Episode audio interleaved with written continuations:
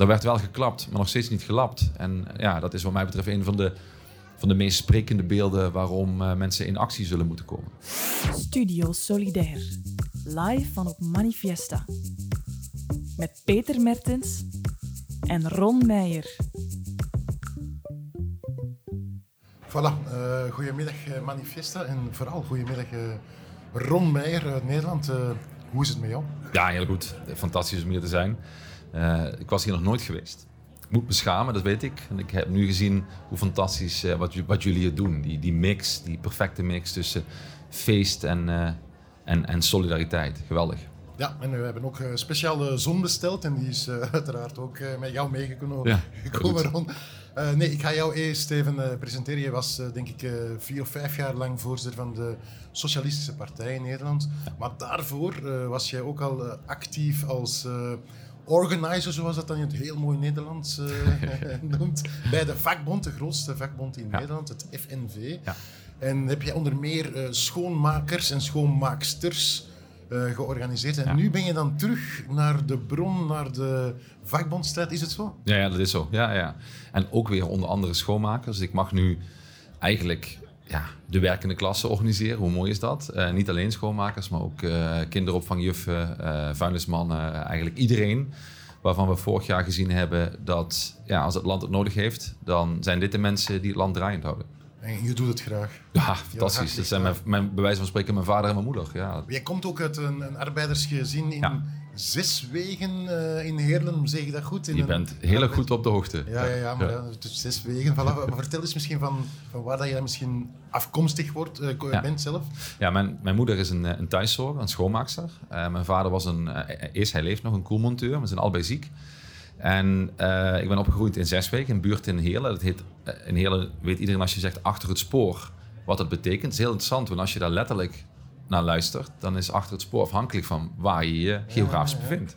Maar iedereen weet wat je bedoelt met achter het spoor, omdat het niet gaat over de plek, die geografische plek in de stad, maar de plek in de samenleving, eigenlijk klasse. Uh, dus uh, Zeswegen is een, eh, een buurt achter het spoor en gebouwd op de laatste afgegraven mijnsteenberg uh, van Nederland. dus ik ben eigenlijk in de oude mijnstreek geboren, in 81. Toen waren de mijnen in Nederland al dicht, om de context te schetsen. En toen heb ik gezien hoe ja, hoe hard een, een, een, nou ja, een arbeider als mijn vader, een koelmonteur uh, en mijn moeder een, een schoonmaker en thuiszorger, uh, hoe hard zij moesten werken. En desalniettemin ja, eigenlijk amper konden rondkomen. En ja, die hoedanigheid en die trots ook. Hè. Mijn ouders waren hele trotse arbeiders en zijn dat nog steeds. Ja, ben ik opgegroeid en uh, ben ik ze zeer dankbaar voor. En zijn ze ook een beetje trots op jou? Ja, dat is altijd ingewikkeld te zeggen, maar ik, ik toen ik, mijn, ik vroeg mijn moeder, want ik schrijf het boek aan, aan hen, aan mijn vader en mijn moeder. Uh, en ik heb dat aan hen van tevoren laten lezen. Toen zei ze, wat vind je daar nou van? Er staan ook nogal kwetsbare dingen in. Toen zei ze, ik ben trots. Ik had alleen gehoopt dat jullie het niet gezien hadden. Mijn, mijn ouders moesten echt worstelen om ons gezin te kunnen onderhouden. Dus ik denk dat ze wel een beetje trots zijn. Zeg maar. Denk ik ook. Eh, ik ga het boek ook voorstellen voor eh, de mensen die meekijken. Dus, Ron heeft een boek geschreven bij uitgeverij Prometheus. En het boek titelt De Onmisbaren. en dan een ode aan mijn sociale klasse. Ik heb zelf uh, een beetje daarvoor ook een boekje geschreven uh, met de titel Ze zijn ons vergeten. Ik ga dat ook even laten zien aan de kijkers. Gewoon puur commercieel is dat. Uh... Maar dus nu gaat het in eerste plaats over het boek van, van, van Ron. Aan mij vroegen ze altijd... Ze zijn ons vergeten, wie is die ons? Dus ik ga een beetje hetzelfde doen met jou natuurlijk. Ja, die onmisbaren wie zijn dat dan die in jouw titel zitten? Ik moet eigenlijk een geheim verklappen, Peter. Ik heb eigenlijk jouw boek gewoon overgeschreven en in Nederland uitgebracht. Ik denk, dat merken ze toch niet. Nee, de onmisbare, dat zijn wat mij betreft alle mensen die uh, vorig jaar het land overeind hielden. En de samenleving overeind hielden. En ja, en dat is precies de combinatie met mijn sociale klasse. Eigenlijk wisten we al lang uh, dat uh, de, de, de arbeider bestaat. En dat de arbeider of de werkende klasse dat dat de belangrijkste klasse is die er is. Tegelijkertijd zien we dat uitgerekend die schoonmaker, die ziekenhuisschoonmaker, eh, zonder ziekenhuisschoonmakers kunnen we dus niet, is gebleken. Die thuiszorgen, die verpleegkundigen, maar ook die mensen in de slachthuizen, in de distributiecentra, die postbezorgers. En wat fascinerend is, vind ik, uh, is dat uitgerekend die mensen, het fundament van onze samenleving, dat die bijna altijd een bescheiden inkomen hebben, grote onzekerheid kennen en een hele hoge werkdruk uh, hebben. En in Nederland heb je, heb je, heb je gezien, ik weet niet of je dat, dat beeld hebben meegekregen, maar ehm, bestuurders stonden uh, te klappen, te applaudisseren voor de onmisbare. En toen werd er, kwam er een stemming in de zomer vorig jaar, 2020, in het Nederlandse parlement. Uh, en toen was, de, waren, was een deel van de coalitiepartijen was met vakantie. Die waren er niet. En toen leek er dus een meerderheid te kunnen komen door een oppositievoorstel uh, voor hogere lonen in de zorg. Wat hebben die coalitiepartijen toen gedaan? Die zijn letterlijk het gebouw uitgevlucht, zodat er geen quorum meer was en de stemming niet kon doorgaan. Dat beeld van die politici die wel klappen als het nodig is, maar vervolgens vluchten als ze iets moeten doen, ja, dat heeft heel veel mensen in ons land gepolitiseerd, denk ik. Ja. Dus ik, bijzonder boeiend dat je dat vertelt, want eigenlijk parallel, uh, dus nu omdat je dat nu vertelt, parallel gebeurde bij ons uh, min of meer hetzelfde, maar niet omdat ze op vakantie waren, maar uh, omdat ze geen regering konden vormen. En op datzelfde moment hebben wij een voorstel ingediend dan in het parlement om die lonen te verhogen. Dat was eigenlijk nog wel uh, voor de pandemie. Ja. En toen, toen noemden we ons populisten. Dus uh, dat ging dan over de verhoging van, een, ja. uh, van, van, van, van, de lonen van, van, van de verpleegkundigen, populisten. Dat was niet betaalbaar, niet nodig. En vervolgens is het natuurlijk in de pandemie wel gaan applaudisseren. Maar Precies. bij jullie zijn ze eigenlijk gewoon letterlijk gaan lopen uit schrik. Echt? Gaan rennen? Je moet dan ook voor een bepaald. Het is echt, ja, je moet maar eens googlen voor de mensen die meekijken hier, zeg maar, of uh, die, die, die thuis meekijken. Letterlijk gaan rennen. Ze moesten voor een bepaalde tijd ook echt het gebouw uit zijn, anders zou dat quorum. Als je nog in het gebouw was, stelde je mee voor het quorum. Als je er buiten was, uh, niet meer. Ik kende die regel ook niet.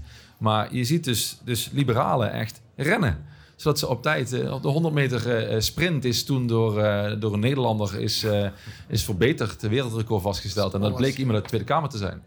Ja, dat is onwaarschijnlijk. Dat is onwaarschijnlijk. Dat... Ja. dus men doet zoveel moeite om dan verkozen te worden, in naam van het volk te spreken. En dan uit schrik van wetsvoorstellen voor het volk, Precies. rent men uit het parlement. Eh. En het argument was toen, ja, maar de oppositie had een procedurele truc toegepast. Dat werd toen de reactie. Nou, dat deed het niet heel erg goed onder de mensen. Want ik kom nu nog mensen tegen, dat is alweer een jaar eh, geleden, die hiervan zeggen, ja, toen is bij mij een kwartje gevallen. En want mensen, zijn, eh, mensen in de zorg hebben hard gewerkt en zijn ook wel graag goed gelovig, op een positieve manier. Hopen dat toch nu wel duidelijk is geworden dat. Want we hebben toch wekenlang, wekenlang onbeschermd gewerkt. Uh, op al die plekken in de zorg. Mijn eigen ouders uh, krijgen nu thuiszorg, zijn al ziek. Uh, en die thuiszorgers hebben gewoon wekenlang zonder bescherming gewerkt. dat was risico voor henzelf en voor hun patiënten. Ja, en mensen willen toch geloven, nu zullen ze toch wel begrijpen dat we dat verdienen. Ja, er werd wel geklapt, maar nog steeds niet gelapt. En ja, dat is wat mij betreft een van de van de meest sprekende beelden waarom uh, mensen in actie zullen moeten komen. Je schrijft over de onmisbaren. Heb je ook een uh, interview gegeven voor uh, het magazine Solidair. En daar schrijf je, ik ga dat even voorlezen. Ik hoop om met mijn boek te kunnen aantonen dat hier een rode draad loopt. De, de, rode draad van de klassenstrijd. Ja. Ik denk zo in het Nederland van vandaag zijn er niet te veel Ron Heerlens die over klassen laat staan klassenstrijd uh, ja. spreken. Hè. Hebt zo het idee van in Nederland is iedereen aan het polderen en heeft men uh, zichzelf langzaamaan in slaap gepolderd, om het even stout te zeggen. En dan komt er ineens zo'n uh, jongen uit het Heerlen aanzetten met een boek over klassen en klassenstrijd. En het werkt blijkbaar, want het doet heel wat stof op, ophaaien. Ja, ik heb duizenden reacties gekregen. Ik heb ze nog steeds niet allemaal kunnen beantwoorden. Persoonlijke verhalen. En dan heb ik het niet over likes of zo, maar gewoon persoonlijke verhalen. Mensen sturen me hele mails en hele uh, halve boeken. Dus ik zou zo drie nieuwe boeken kunnen sturen op grond van wat mensen me gestuurd hebben. Dus het heeft wel iets gedaan. Uh, en, en, en fascinerend in Nederland vind ik. Uh, ik las allerlei boeken uit. Ik las jouw boeken en ik las uh, Christian Barons boek uit Duitsland. En Edouard Louis natuurlijk in Frankrijk. En, en, en, en um, Darren McGarvey uit Schotland. Fantastische boeken. Ik dacht, we kennen dat in Nederland helemaal niet. Hoe kan dat nou? En het idee dat de arbeider niet meer bestaat uh, in Nederland is echt... De, de, dit is vertaald als... Um, Mark Rutte, de Nederlandse minister-president, presenteert zich ook als een soort manager. Neutraal, objectief, uh, pragmatisch, helemaal niet ideologisch. Mijn stelling is al heel lang dat het de meest ideologische premier is die in Nederland ooit heeft gehad. Uh, en niet alleen maar omdat hij miljarden ieder jaar weggeeft aan, uh, aan, multinationals. Maar omdat hij erin slaagt om journalisten en anderen te laten geloven dat wat hij doet objectief is. Als dat gebeurd is, ja, dat is totale ideologische dominantie. En had ik dat voorbeeld van de arbeider die niet meer zou bestaan eens geven. Mijn eigen opa's waren mijnwerkers. Die konden met hun gezinnen toen, de ene opa. Je moet weten, ik kom uit de katholieke mijnstreek in Nederland. Uh, de voormalige katholieke mijnstreek, mag ik wel zeggen. In vele opzichten voormalig. Maar de ene opa eh, en oma kregen twee kinderen. Want mijn oma die joeg de pastoor weg toen hij vond dat er weer nieuwe ziltjes moesten komen. De andere opa en oma waren iets gezagsgetrouwer, dus die kregen tien kinderen. Mijn moeder en nog negen anderen. Beide gezinnen waren in staat met een mijnwerkerslaris om die gezinnen naar de maatstaf van die tijd eh, best goed leven te geven. Als je nu 40, 50 jaar verder kijkt, dan zie je dat die mijnwerker bestaat niet meer. Dat klopt.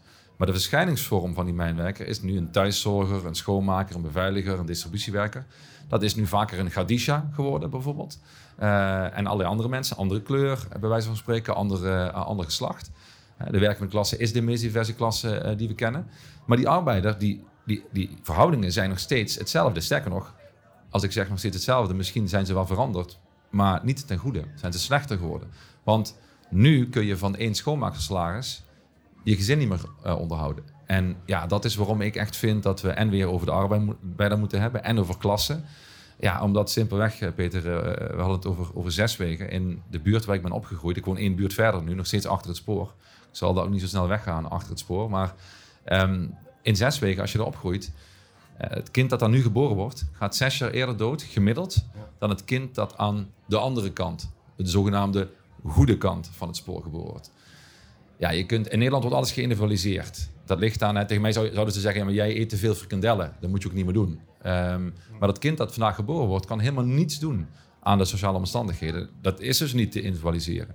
Ja, en daarvan merk ik nu dat er toch weinig mensen zijn die daar iets tegen in kunnen brengen. Uh, nu ben ik niet zo bang aangelegd, ook als het wel kan, kom erop. Maar een kind dat vandaag geboren wordt, uh, aan het einde van het leven zes jaar eerder dood, gebaseerd op de plek waar je geboren bent of de klasse waar je geboren bent. Dat gaat niet over een grotere of kleinere flatscreen in je, in je buurt. Dat gaat over essentiële dingen. Zes jaar eerder doodgaan, vijftien jaar eerder ongezond. In zogenaamd een egalitair land, wat we in Nederland onszelf heel vaak aan, uh, aanspreken. Dus ja, daar voel ik wel enige woede over, zou ik maar zeggen. Maar terecht denk ik, en ik vind het ook mooi dat je uitdrukt, en ik denk dat dat ook absoluut nodig is, want uh, ik vermoed dan, als jij dan die mails of die berichten binnenkrijgt van mensen die zich herkennen in, in jouw boek. Ja. En, en die die woede voelen, dat, dat, dat zij ook zeggen van... Oké, okay, eindelijk iemand die over ons schrijft en, en die, die onszelf laat spreken. Niet alleen over ons schrijft, maar ook onszelf ja. laat spreken. Maar ik wou misschien nog over een ander aspectje terugkomen. Wat interessant is, omdat je nu terug bij FNV zit. En je sprak over de werkende klasse is divers. Ja. En de mijnwerker van toen zei je zo net, is vandaag misschien heel vaak een Khadija. En dat is een interessant, uh, dat is, ik vind een heel interessant en, en een goed discours dat, om, om, om dat vandaag te zeggen. Dus ja. dat vind je heel belangrijk om dat antiracisme en de diversiteit van de werkende klasse ook Ja. vandaag naar voren te brengen. Ja, maar als je de, de werkende klasse organiseert in mijn, tussen grote aanhalingstekens, zes weken, ja, daar heb ik geleerd. Ik, ik, ik voetballen, wij gingen niet zo vaak op vakantie thuis, maar alles kon het niet betalen. Maar mijn vriendjes ook niet en vriendinnetjes. Dus wij speelden het WK, ik, ik, ik schrijf erover in het boek, wij speelden het WK pleintjesvoetbal. En wij konden uh, alle teams vormen van de hele wereld, behalve de Scandinavische landen. Die werden dan door de Hollandse blonde jongetjes uh, uh, gespeeld. en het, ja, dat, dat, als er iemand dan... we hadden een nieuw, ik herinner me nog goed, we hadden een nieuw Afghaans jongetje. En, en die deed een keer iets, zoiets van. Hè, ik had wel iets geflikt en hij vond dat dat niet goed was, was mijn vertaling. Ja, dat was de reactie van iedereen in die buurt. Was, joh, speel die bal dan gewoon af en dan gaan we door. Dus als wij willen dat de ondertitel van het boek Mijn sociale klasse wordt georganiseerd, dan is dat per definitie Gadisha en Ron en al die anderen.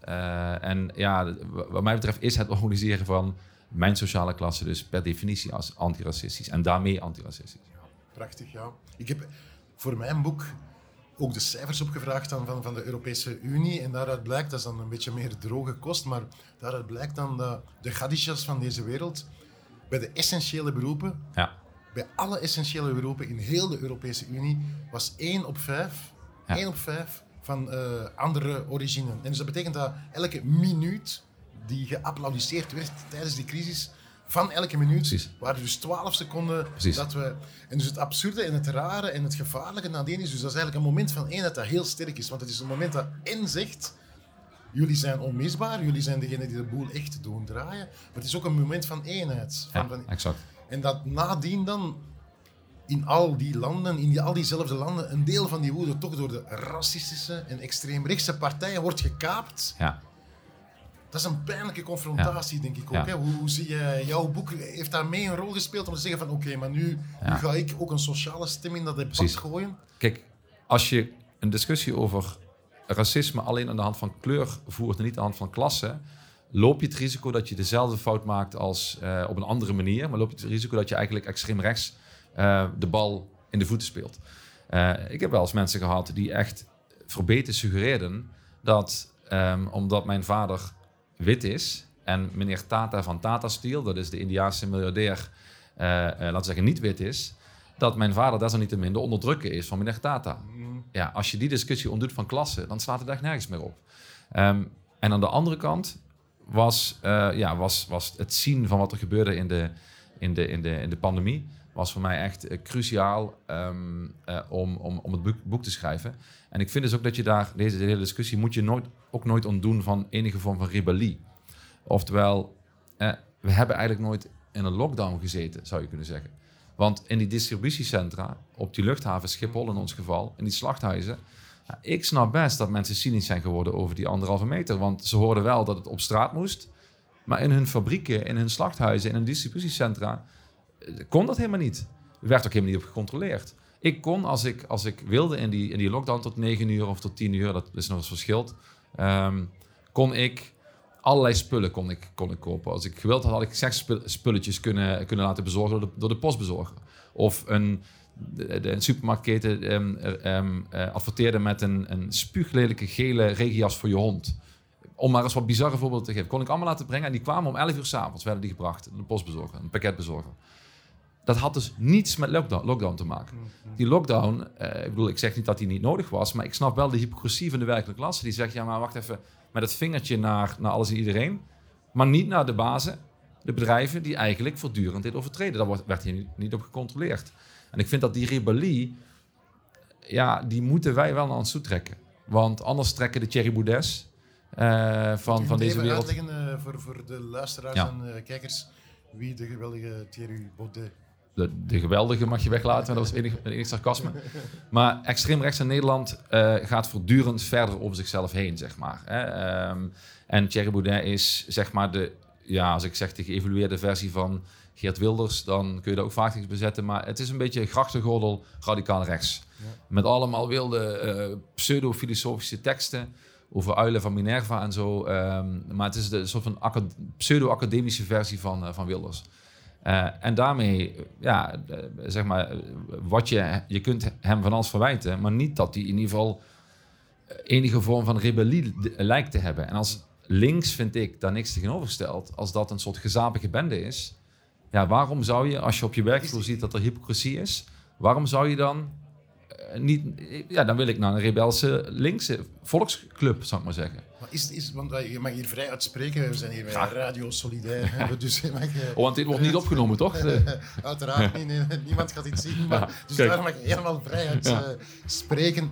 En de, en, en, de vraag is dus, is dan links in Europa niet een klein beetje een te gezapige club geworden die te veel met stadhuiswoorden spreekt, met twee woorden, ja meneer, zeker meneer, dank u meneer, spreekt? Uh, nou ja, kijk, ik vind dat... Ik, en, en, waar, waarom, waarom die woede bijvoorbeeld in Nederland en in Frankrijk en zo, waarom gaat er zoveel van die woede en die kracht die er is en die boosheid, waarom gaat het dan naar die paljassen, zoals wij in Antwerpen zeggen, ja. van, van extreem rechts. Hoe komt dat? Nou ja, omdat als je niet over klassen spreekt, als je de sociale omstandigheden niet uh, uh, dominant maakt en, en centraal laat zijn in het debat, dan gaat het dan gauw over allerlei... Er zijn, Peter, er zijn natuurlijk culturele verschillen tussen mensen.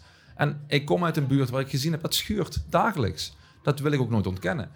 Maar aan het einde van de dag wisten we wel in die buurt dat of ik nu wit of zwart ben, of ik nu religieus of niet religieus ben, zoals ik, aan het einde van de dag, als je niet samen knokt, dan heb je allemaal te weinig brood op de plank. In de letterlijke zin van het woord, in het geval van mijn ouders bijvoorbeeld.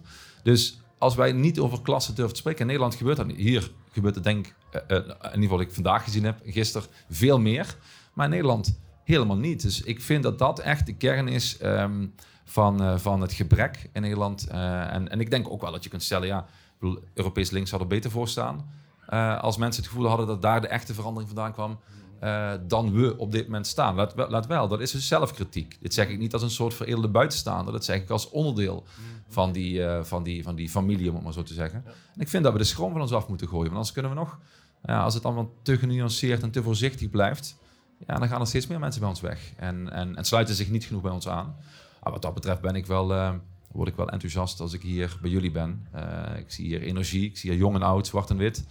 mensen via geneeskunde voor het volk die hier vanuit de buurt komen. Nou, laat Europees links, zal ik maar zeggen, maar een, maar een voorbeeld nemen aan de PvdA en PTB in, in België. Dank u voor het compliment. maar ik, denk, ik denk dat we van elkaar inderdaad heel hard en heel veel kunnen leren. Omdat jij net zei, als je dan achter het spoor bent, at the end of the day, weten we dat we allemaal uit dezelfde werkmansbroek komen.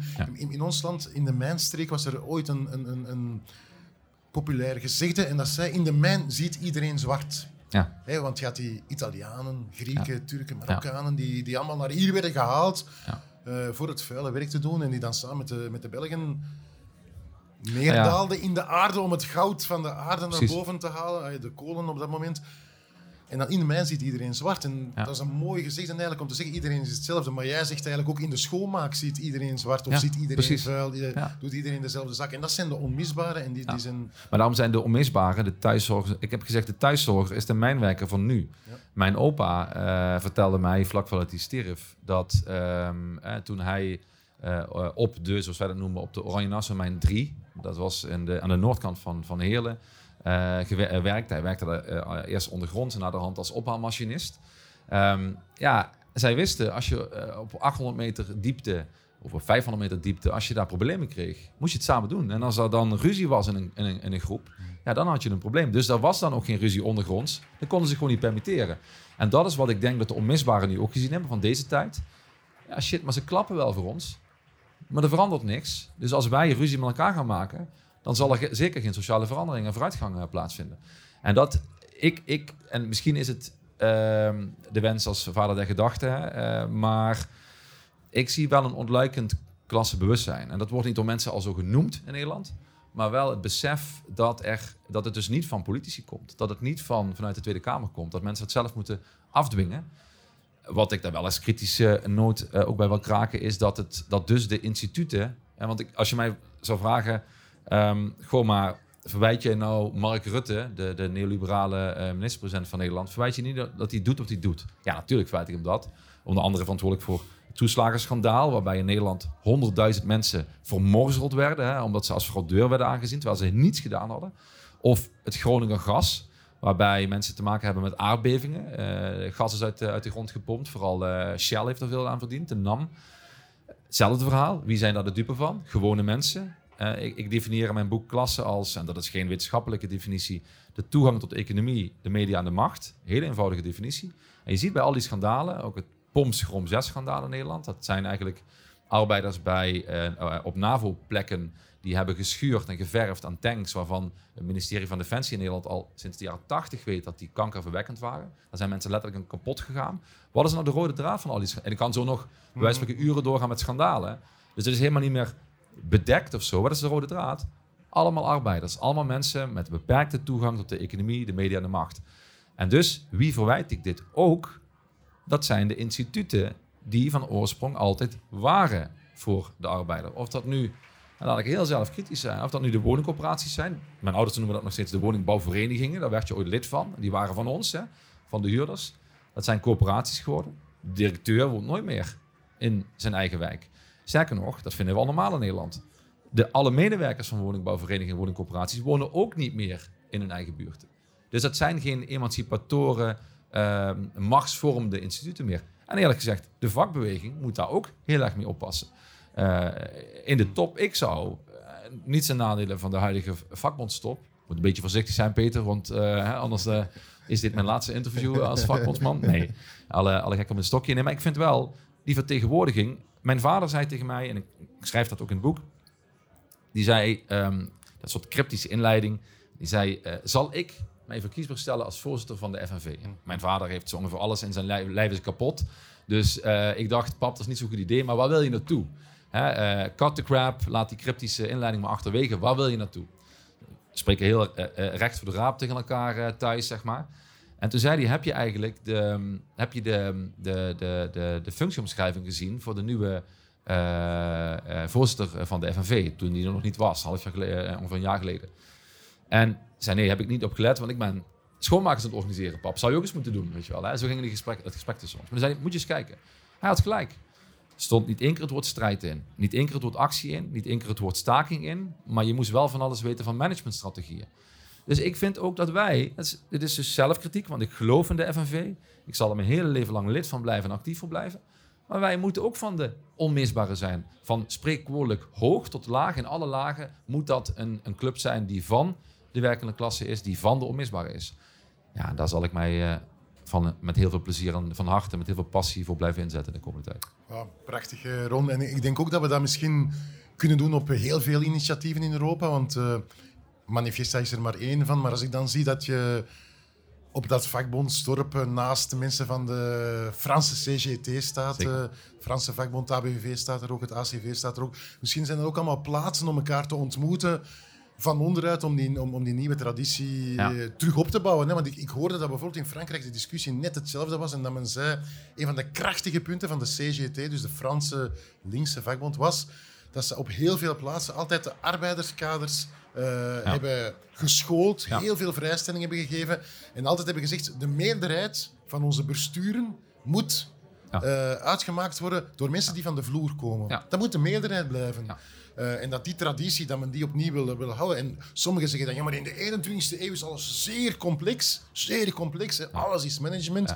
En dus dan ga je toch niet meer gewoon als schoonmakers daar zitten. Gewoon een schoonmaakster. Dat is het argument. Uh, dat, dat ja, dan... maar dat is dus precies mijn kritiek. Uh, dat is dat kennis is gedefinieerd als een soort managementversie daarvan. Terwijl de, de pijn en de kennis van de massa, om even mooi, op deze manier te zeggen... Hè, misschien um, kan mijn moeder niet zo ingewikkeld en complex spreken als menig manager. Maar potverdorie, zij heeft veel kennis over het echte leven. Uh, de littekens die soms pijn doen, of die soms schuren, of die soms tot een lachende traan leiden. Ja, en dat is wel, als wij van de, van de gewone man en vrouw willen zijn, zullen we wel ook herkenbaar moeten zijn voor de gewone man en vrouw. En, en moet daar gewoon positie voor zijn. En dat gaat om um, de, de, redacties van, uh, van, van, van bijvoorbeeld uh, um, talkshows, aan de talkshowtafel, om het zo te noemen. Ik ben uitgenodigd voor ergens in de komende weken uh, om aan een van talks op tafel te, te, zitten. En ik heb gezegd, ik wil best komen, maar ik ga alleen. Ik kom alleen als Khadisha mee mag. Ik in dit geval niet spreekwo spreekwoordelijk, maar Khadisha Tahiri Hiati, die ook gisteren hier, uh, hier was. Uh, de leider van de schoonmakersvakbond. Um, nou ja, die had mijn moeder kunnen zijn. Niet letterlijk, maar die, dat zie ik in haar, zeg maar. Hoe zij worstelt, maar ook strijdt. Ja, dat moeten wij ook durven te zeggen en te doen. Dat aan tafels, aan, aan die tafels, moeten de Gadishas van deze wereld zitten. Ik denk, uh, ik vind het zelf heel belangrijk. Ik had uh, donderdag een, een, een, interview met de, met de Standaard. Uh, wat, wat, een heel toffe journalist trouwens, die het interview deed. Maar die, op een bepaald moment ging het over pensioenen, want het gaat altijd over pensioenen in ons land. ze willen altijd met name hervormen en ja. altijd in dezelfde richting, ja. namelijk langer ja. werken. En dus een van de argumenten, denk, denk ik, men overal gebruikt, is... Ja, maar Peter, we leven met z'n allen langer. En ik heb ah. toen al Jan-Frederik onderbroken en gezegd: nee, nee Jan-Frederik, dat is al fout. Dat is al fout. Jij leeft langer, ik leef langer. En al de mensen die de gazetten vol schrijven, leven langer. En iedereen die Twitter vol tweet, leeft langer. Maar de gewone werkende mensen leven namelijk niet langer. En dat is exact hetzelfde van wat jij nu zegt. dus de sociaal-economische verschillen, de klassenverschillen dus, maken of dat je langer leeft en ook, nog veel belangrijker, langer in goede gezondheid leeft. Want je kan misschien wel tot je 73 leven, maar als de laatste vijf jaar van je leven uh, een leven, leven zijn in, in slechte gezondheid, dan heb je er ook niet meer veel aan. En dus, dan heb je dus de vraag van hoe komt het dat de twitters en de twitteraars en de kranten en de, en de panels op de televisie vol mensen zitten die langer leven, om het dan zo te zeggen, en dat die anderen daar niet aanwezig zijn. Hoe komt dat eh, en, en hoe doorbreek je dat? Wij hebben, ik ga er misschien nog één ding over zeggen. Wij, wij hebben zelf, wij proberen dat zelf, we moeten er nog meer doen. In het parlement bijvoorbeeld uh, hebben wij vier arbeiders uh, zitten. Dat maakt gewoon een kei groot verschil of dat Gabi Kolenmunders dit verhaal doet of Peter Mertens.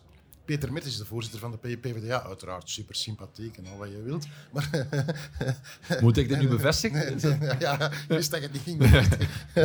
nee, maar dat, dat doet er. Maar, maar, maar, als Gabi dat zegt, ja. Gabi, die bij Fort Genk auto's heeft gemonteerd, die, die, die het ontslag heeft gekregen, net als al die andere automonteurs daar, die, die onderaannemingen is gaan werken. Als Nadia, die als kassierster heeft gewerkt, als uh, uh, Roberto, die, die bij Caterpillar uh, heeft gewerkt, dat zeggen in het parlement. Ja, mijn beste vrienden, ik heb bij Caterpillar gewerkt en ik leef niet tot mijn 81 jaar. Dat gemiddelde, dat is een onbestaande gemiddelde. dan is dat natuurlijk veel krachtiger. Dus ik denk ook in de politiek dat arbeiders, arbeiders gewoon werkvolk naar voors- voorschuiven om hen het, het woord te laten voeren over de thema's waarover het gaat. Dat dat misschien ook wel een deel is van de... Nou ja, en dus ook durven te zeggen en kunnen zeggen: wacht even, wat je nu zegt is bullshit. Klopt gewoon niet. En ik kan je vertellen dat het bullshit is. Ik bedoel, dat, dat, dat frame, hè? we zitten met z'n allen in hetzelfde schuitje. We zitten met z'n allen helemaal niet in hetzelfde schuitje. Als, het al, als je het al en niet moet voor zeggen, dan zitten jullie in de Titanic. eh, of wij zitten in de Titanic en jullie zitten in een veel groter luxe, luxe schip, zeg maar. eh, dat, dat nooit kan, kan zinken. En dat is toch, hebben we in alle opzichten gezien. Multinationals werden rijker. Eh, de supermarkt in Nederland zal hier niet anders zijn. Die verdienden miljarden. Ongelooflijk. En de cashiers, om eens wat te noemen, die kregen er helemaal niets bij. Dus we moeten durven te zeggen, op grond van dat we weten waar, hè, waar we werken, eh, de voorbeelden die je geeft in, in, in jullie parlementen, kun je zeggen dat heel veel, Nederlandse, heel veel Nederlanders de, de, de Facebook, eh, via Facebook de debatten van onder andere Raoul met, eh, met heel veel plezier volgen. Eh, we snappen niet altijd alles, maar man, eh dit aanvallen, de rebellie, eh, de, de, de, de, de bullshit, zeg maar, gewoon het, het, het, het eh, I call your bluff, om het maar even in het, in, in het goed Nederlands te zeggen. Eh, de bullshit van, van, van de zinvolle dingen te onderscheiden. En ja, dat is ook wel wat ik eerder bedoelde met eh, dat dat moet aan, aan, aan links in Europa gaan kleven. Dat moet bij ons horen dat we dit durven te doen. En jij hebt eh, iets meegebracht naar Manifesta, want je zei, oké, ik kom naar Manifesta, maar ik ga iets meebrengen. En dan dachten wij, ja, tulpen, of nee, dat dachten we niet. Maar, Of kaas. boek of kaas, nee, nee, ik- Of een vaantje van Roda. een, een, Een vaantje van Roda, Ja, ook gekund. een Roda JC, ja. Ja. Maar je hebt iets anders meegebracht eh, en, en, en je bent niet bescheiden geweest eigenlijk. Ja, nu- Vertel eens eh, wat je hebt meegebracht, want ik denk dat de meeste mensen het al gezien hebben, Ja. maar eh, eigenlijk niet weten dat, dat, jij, het, eh, dat jij de dader bent. Ja, precies, de dader. Ik, ik stelde mij gisteren voor in de vakbondstand als eh, de categorie bescheiden Nederlanders. Toen moest iedereen meteen hard lachen. Ik weet niet wat dat over, over mij zegt, over het beeld van Nederlanders, maar we hebben eh, een, een, een standbeeld meegenomen voor de onmisbare, van de onmisbare, eh, van eh, ruim drie meter hoog. Dus we dachten, als je het doet, dan moet je het ook goed doen. Ehm, het past hier gelukkig. En het is een standbeeld van Aniek. Eh, het standbeeld heet ook Aniek. En Aniek is een ehm, eh, verpleegkundige op de IC-afdeling in, in Delft. En ehm, ja, zij is een van de toonbeelden in Nederland van de mensen waar we niet zonder kunnen. En Aniek is letterlijk op een tour door het land bezig. En inmiddels vandaag dus ook internationaal gegaan, gisteren. Ehm, eh, ja, en heel veel mensen slaan erop aan. Het is een, een blikvanger, een symbool van de onmisbare geworden. Eh, ja, en we horen heel vaak mensen zeggen, ja, die, die onmisbare, die schoonmakers, die thuis, al die mensen, die verdienen, eh, verdienen een standbeeld. En dan dachten wij, ja, dat gaan we maken. Dit is nog niet het definitieve standbeeld. We willen dat burgemeesters, dat zij zelf toch ook wel een beetje indachtig gram zien, mag ik wel zeggen. Dat de populaire cultuur en dat wat je tegen gewoon met, waar je met de neus tegenaan loopt, dat je niet over een paar jaar denkt, wie waren dat ook alweer, die mensen die het land overeind houden? En dat je over een paar jaar tegen zo'n standbeeld of een muurschildering of een gedicht aanloopt en je weer herinnerd wordt, eh, linksom of rechtsom, of je nou zelf wel of niet in de werkende klasse eh, zit en dat je je daarmee identificeert, dat je weer weet wie de mensen zijn die als het nodig is, als het donker wordt, eh, wie het land overeind houden. J- Jij schrijft in jouw boek, sterren zie je pas het donker wordt. Ik heb, ik heb dat, het is een van die citaten die bij mij thuis ook voortdurend werd, werden gebruikt. Dus ik heb die van harte van mijn ouders of van jou geleend, of van allebei. Eh, copyright bij jou, wat mij betreft. Eh, maar dat is precies wat het is. Dus eh, je moet ze niet alleen zien als het donker wordt. Je moet ze ook zien als het licht is. En dat is wat we met, met dat standbeeld proberen te doen. Mooi. Je hebt het er straks al over de pseudofilosofen gehad, of beter gezegd de pseudopolitiekers die met pseudofilosofen komen leuren. Maar jij citeert op een bepaald moment in je boek ook Augustinus en die zegt: Hoop heeft twee prachtige dochters, woede en moed. Woede over hoe het nu gaat en moed om er eh, iets aan te doen. Wat, wat bedoel je daarmee? Het is een heel mooi. Ja. Heeft twee dochters, moed en woede. Ja, ik, ik, eh, ik ben helemaal niet religieus, maar dit Augustinus-citaat vind ik echt een, eh, dat is voor mij echt leidend.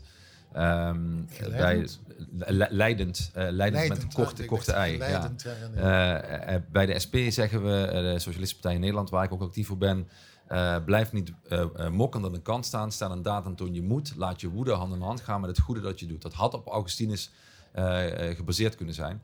En wat, wat Augustinus eigenlijk zegt, en ik vind het echt mooi, dus woede, ehm, daar kun je, dat klinkt vreemd, eigenlijk helemaal niet boos op zijn. Want woede vloeit in ieder geval nog voort uit hoop. Hè. Hoop is de moeder en heeft een tweeling, krijgt een tweeling en dat is dat is woede en moed. Maar er zit ook in dat woede niet zonder moed kan. Dus als het alleen bij woede blijft, dan zal het nooit iets veranderen. Maar ik ben dus niet zo snel. Eh, ik schrijf mensen die woedend zijn niet zo snel af omdat ik vind dat daar... Ik Vind je dat dat te veel gebeurt? Dat mensen die, die, die wordt- kwaad zijn, dat ja. die worden Daar wordt met dit over gesproken. En ik kan alleen maar over Nederlands spreken. Hè, maar dat wordt ook te vaak van gezegd. Dat zijn... eh, Niet eh, constructieve mensen. Nou ja, en, en ik, ik heb een heel verhaal over taal gesproken. En in het Limburgs heet dat, waar ik vandaan kom, krauw. Dat is het, het, het tokkies in het Nederlands, asocialen, ga ze maar door. Dus als jij boos bent, terwijl je terechte redenen kunt hebben om heel boos te zijn, dan word je dus door diezelfde, ehm, ehm, diezelfde eh, laat ik zeggen, misbaren, die, die, die, die zeggen, maar we zitten met z'n allen in hetzelfde schuitje, word je al gauw in die hoek geplaatst. Populisten, et cetera, et cetera. Terwijl, er is alle reden voor mensen om woedend te zijn. Tegelijkertijd zeg ik tegen de mensen die woedend zijn, als je daar alleen in blijft hangen en je niet opstaat om iets te doen en niet de moed hebt om het te veranderen, dan zul je waarschijnlijk je hele leven lang woe- woedend blijven of cynisch en afhaken en apathisch worden. En dat is voor mij het allergrootste schrikbeeld dat er is. Eh, Ik heb liever dat iemand tegen mij zegt, ik ben van plan om op Wilders te gaan stemmen, want ik ben woedend. Dan zal ik er alles aan doen om die woede om te keren naar een veel verstandigere keuze. Dan dat iemand zegt, ach, het maakt me allemaal geen donder meer uit. Ik heb me teruggetrokken, ze moeten het allemaal maar... eh, Als mensen apathisch worden, dat vind ik veel ernstiger nog. Dan dat ze in ieder geval nog het debat of de discussie aangaan. Hoe vreemd dat ook Ja. mogen klinken. En daarom, ja, hoop heeft eh, ons eh, woede en, en moed gebracht. En laten we die tweeling vooral, eh, ja, laten we die vooral inzetten in de strijd. Woede en moed. Voilà, Ron Meijer brengt de tweelingen terug samen. Maar vind je het erg dat ze jou een populist noemen dan? Nee, helemaal niet. Nee, Je vindt het niet erg? nee helemaal niet. Nee, helemaal niet. Nee, Ja, ik waar, bedoel- waar, waar- waar- doe- dat, doet je niet. Nee, eigenlijk niet. Als, als de gevestigde macht mij een populist noemt, dan val ik dat op als een groot compliment. Je, je neemt het als een geuzetitel Ja, aan. tuurlijk. Ja. En ik vind dat eh, links in Nederland dat ook veel meer moet doen. Ik vind dat eh, eh, als Mark Rutte socialisten in Nederland, de SP'ers in Nederland, populisten noemt, ja, dan, dan moet hij ons dus iets noemen. Dan is hij, voelt zich gedwongen om kennelijk, ehm, eh, dan vindt hij ons een gevaar. Ja, als wij geen gevaar zijn voor de heersende macht en heersende klasse op dit moment, na alles wat men gedaan heeft, nadat men sociale omstandigheden heeft gecreëerd die ervoor zorgen dat eh, mijn vrienden en vriendinnen, eh, mijn ouders, zes jaar eerder doodgaan. Ja, eh, dat, dat, ze moeten woedend op ons zijn. Ze moeten bang, ze moeten beven voor ons. Pas dan doen ze het goed. Dus ja, populist noemen en beven, daar zit nog wel, zit nog wel wat stappen tussen, zou ik zeggen.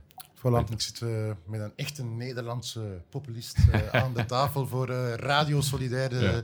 Wij hebben me gevonden, de enige Nederlandse populist die er is. Ik wil nog even spreken over... Links- voetbal- links eh, populist. Ja, ik wou nog even spreken over, over, over, over voetbal. Ehm, om, omdat het mij interesseert en, om, om, en ook eh, intrigeert. Je hebt zelf een... Voor Roda JC, dus eh, je hebt die tradities van de, van de arbeidersclub, de mijnwerkersclub, wat de Roda JC is in Heerlen. En je, hebt, je zet je ook in, naast alle andere dingen die je doet, voor, voor een supportersclub en voor een soort supportersparticipatie eh, eh, binnen Roda JC. Wa- Ja. waarom doe je? Of wat is de idee daarachter? Ja, ja Rode C komt niet uit Heerlen, maar uit Kerkrade. Uit maar het- Kerkrade. dat is eigenlijk één groot... Nee, dat is niet erg, maar dat, eh, ik moet dat even corrigeren, anders word ik straks gekielhaald als ik terug ben. Terecht. Ehm, maar het is eigenlijk ja, het is de oude, oude oostelijke mijnstreek, om heel specifiek te zijn. Ja, Roda is al heel erg lang een traditieclub, eh mijnwerkersclub, opgericht door mijnwerkers. En de afgelopen jaren, de afgelopen nou ja, eh, vijf jaar ongeveer, eh afgelopen tien jaar, echt gewoon door wanbeleid. eh, we, waren een van de, van de weinige clubs, een van de vijf clubs. Je hebt drie grote clubs in Nederland, PSV, Ajax en Feyenoord. En dan had je nog Utrecht en Rode JC. Nooit gedegradeerd uit de hoogste divisie. Tot 2014. De eerste degradatie. Nou, ehm, ik nam mijn inmiddels 14-jarige zoon toen mee naar die uitwedstrijd. En die was toen wat jonger. Eh, bijna ehm, ongezond, jong om al fan te zijn eh, van, van, eh, van, van Roda, want we degradeerden. En hij zei toen met dikke tranen van zijn wangen, zei hij, papa, ik zei, nou jongen, het komt wel goed. "Ja, papa, die degradatie vind ik niet zo erg, maar nu moeten we naar Maastricht. Wat een stad is, een, stukje verderop en waar onze aardsrivalen eh, spelen. Lang verhaal kort gemaakt, met de club ging het heel snel bergafwaarts. financieel heel slecht. Eh, we hadden zelfs een, een, een Mexicaanse eigenaar die, ehm, ja, die er geen euro meer in wilde stoppen. En die uiteindelijk door de supporters het stadion uitgezet is. En toen heeft een deel van de achterban van Roda gezegd, we moeten een ledencollectief eh, opbouwen. Zodat ehm, je krijgt daar als lid niet zoveel voor terug. Je betaalt 62 euro. Roda is in 1962 opgericht. Uh, 62 euro per jaar. En zo brengen wij met z'n allen um, duizend leden, hopen we uiteindelijk te bereiken, 60.000 euro per jaar bij elkaar. En daarvoor willen we één ding terug. Dat is zeggenschap uh, over de clubcultuur, over de naam, het logo en de, jeugd, de jeugdopleiding. Zodat als de club iets wil veranderen aan, aan wie de club is, de identiteit van de club, dan moet ze eerst langs die leden. Dat is nog niet, laten we zeggen, de totale overname van de club. Maar zeggenschap over of je de jeugdopleiding wil afschaffen of wil uitbreiden, ja, vinden wij wel een goede stap in de goede richting. We zitten nu op 700 leden. We hebben nog, we hebben nog niet zo heel veel Belgische leden. Dus Peter, eh, je bent van harte welkom om lid te worden van Roda 1962. Voilà, ik, de, ik ga erover nadenken om eh, lid te worden van Roda 1962. Maar, maar over, over dat grote geld in, de, in het voetbal, Ron. Hoe zie jij dan die evolutie als je bijvoorbeeld deze zomer dan de internationale transfermarkt uh, bekijkt? Dat, dat is, je hebt daar natuurlijk ook politiek. Uh, ik zeg dat vaak, in ons land worden ook politiekers gekocht. Maar daar wil ik het nu niet over hebben. Daar hebben het, uh, maar goed, over voetbal. Deze zomer, die bedragen waarmee de groten der aarde dan verhuizen van de Spaanse, Franse, Ita ja. Italiaanse, Engelse competitie naar elkaar. Ja, heel die vermultinationalisering. En dat geld was er natuurlijk ook al allemaal. Maar, maar, wat denk je dan van, hey, wat, wat, ben ik hier aan het doen in, in, in Kerkrade uh, of all places tegenover... hoe zie je dat aan? Ja, waanzin. Totale waanzin. Het heeft ook niets meer met leuk te maken. Als je naar, naar, naar uh, PSG kijkt, Paris Saint-Germain, ja, dat heeft toch niets meer te maken met, met, met je club, zeg maar. Je wilt toch nog enigszins zien dat je een opbouw hebt en dat je men, voetbal dat je herkent. Uh, dus dit is, ja, dit is gewoon de FC Qatar die het daar ja. heeft overgenomen. Dat moet voor die fans van PSG ook verschrikkelijk zijn. Fijn dat je uh, wellicht voor hen nu dingen gaat winnen. Maar dat heeft toch niet meer met het spelletje te maken. Dat je, ik geniet het meeste, Peter, ik weet niet of, of je dat herkent, van die wedstrijden. Dat je dan, ja, het is niet... Ik, bedoel, ik ben een fan van een club die nooit mooi voetbal, mooi voetbal speelt. We winnen alleen maar met, met baggervoetbal en, en, en hopen dat we winnen. Uh, maar, maar wel met strijd. En ik, de mooiste wedstrijden zijn dan dat je, dat je speelt en dan wordt het 3-3 in de laatste seconde, krijg je een doelpunt tegen. Maar in de extra tijd maak je nog de, 4-3, de, de winnende 4-3. Daar heb je echt voor gestreden. Dus ik zal niet zeggen dat ik niet graag een keer met 6-0 win. Maar wel dat je er met z'n allen voor gestreden Dat het hele stadion ervoor gestreden heeft. Dat je dat van jong tot oud. Die, die, die wedstrijden die ik, die ik in het oude stadion bij Roda gezien heb als jong jochie. Dat ik naast twee oude opatjes stond. Omdat ik niet de rest van de tribune opkom. Het was te vol. En dat ik plezier, ik zou niet eens weten hoe ze heten, maar ik heb zo'n plezier gehad. Want wij stonden, hè, die twee oude opatjes, met dat kleine jochie daartussen. Wij streden mee, we leefden ook mee. Ja, dat kun je toch niet meer hebben als er uh, mannen op het, op het veld staan die een salaris verdienen in een jaar of vijf van 400 miljoen. Ja, dat is toch daar kun je tien generaties van, uh, van, van, uh, van heel stinkend rijk laten zijn daarna. Dat heeft niets meer met voetbal te maken. Dus ik ben eigenlijk wel heel trots erop dat ik maandagavond aanstaande... dat ik het uitvak van Roda in Volendam zit. Het stadion is waarschijnlijk voor de helft leeg. we zullen ook niet het allermooiste voetbal spelen. Maar ach man, wat is dat heerlijk. Dat is echt werkelijk klasse voetbal wat mij betreft. Oh, mooi, want ik, ik heb eens gehoord... en dat is eigenlijk raar, dat je hebt zo twee plaatsen in de samenleving waarin gewone werkende mensen kunnen samen zijn en ook uh, roepen. Hè? Ik bedoel, uh, we kunnen daar een, een, een, hele discussie over hebben, over, over, het belang om samen te zingen, samen te roepen en, ja. en hoe dat onze samenleving ongelooflijk lawaaier is, gewo is, geworden. Maar anderzijds zijn er heel weinig plekken om heel enthousiast uw emoties uh, te, laten, te laten zien. En wat mij altijd heeft aangetrokken zijn die historische beelden van uh, You'll Never Walk Alone, ja, uiteraard van Liverpool en zo. Dat is een kippenvel moment voor mij nog altijd overal. Maar dat is toch iets moois natuurlijk. Dat, dat, dat, dat beeld... Op zo'n tribune, hè, ik was afgelopen vrijdag, we speelden 0-0, we hadden moeten winnen. Maar ja, ik zei al iets over onze kracht. Het is niet per se mooi voetbal. Alhoewel dat wel was, moet ik zeggen. Dus de ploeg doet het steeds beter. Maar um, dan kijk je om je heen en dan kan ik echt oprecht van genieten. Dat daar is dan iedereen gelijk. Uh, dat wil zeggen... Um, ik had voor de eerste keer mijn allerjongste. We hebben drie kinderen. Eh, de oudste is inmiddels 14, Kian. Die is helemaal, ja, die, die heb ik knettergek gemaakt van de club. Uh, Onze dochter is verstandiger, die heeft dat niet. en de jongste is vier. Daar probeer ik hetzelfde te doen als bij Kian gelukt is. En mama kijkt hopelijk niet mee, maar was zijn eerste, eerste wedstrijd mee. En het enige wat je hoeft te doen is te zingen en te schreeuwen en te juichen op het goede moment. Ja, en daar zit zoiets moois bij. En ik moest ook denken afgelopen vrijdag aan... eh, ik heb veel van die stakingen in de schoonmaak meegemaakt. En dat was echt, echt indrukwekkend. En ook kantje boord af en toe. En de schoonmakers in Nederland zingen aan het einde van iedere bijeenkomst... of het nu gewonnen of verloren is... of het een onderhandeling was of niet... of een strijd of een bezetting... ze zingen altijd wij gaan door. En daar hoort een heel liedje bij... Dat is elke keer kippenvel. Want dat is zeg maar de- het voortduren van... Dus het besef dat sociale strijd voortduurt. Dat je samen met z'n allen collectief moet blijven werken. Eh, En dat dat niet eindigt op het moment dat je denkt dat je op dat moment gewonnen hebt. Ja, dat, dat, dat is You'll Never Walk Alone. En you'll never, you'll never keep to walk alone, zou ik maar zeggen. Om het You'll Never Walk Alone maar even te verkrachten. Maar dat, ja, wij gaan door. Er is iets magisch in.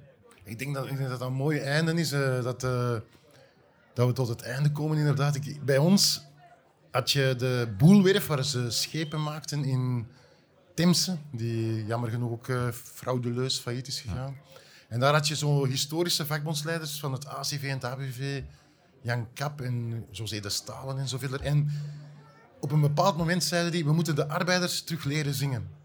En wat hebben die toen gedaan? Die hebben wel niet van Roda JC, maar wel van Feyenoord Ja, hand in hand, kameraden, ja, ja dat is precies. overgenomen. Ja, prachtig. En op de bezetting van de Boelwerf, met 3000 mensen, op een bepaald moment was de toespraak gedaan van de vakbondsleider. En dat waren heel krachtige toespraken, want hoe dat Jan Kap en, en, en José de Stalen Ja. spraken, wow, Ja. onwaarschijnlijk beeldrijk. Maar het meest krachtige moment van zo'n vakbondsmeeting was nadien zo'n hele werf met drie- 3000 mensen die hand in hand, kameraden, wij gaan door, we strijden tot de dood. Dat, is, dat is kippenveld. En dat denk ik is wat voetbal, working class, Precies. strijd, onmisbare, dames en heren, het boek van Ron Meijer allemaal samenbrengt. Ron, dikke merci. Heel veel succes ook nog met je boek. Dank je wel. Merci om hier te komen in Manifesta. was een heel aangename gast en het is een zeer interessant boek. Merci. Dankjewel. Studio Solidair.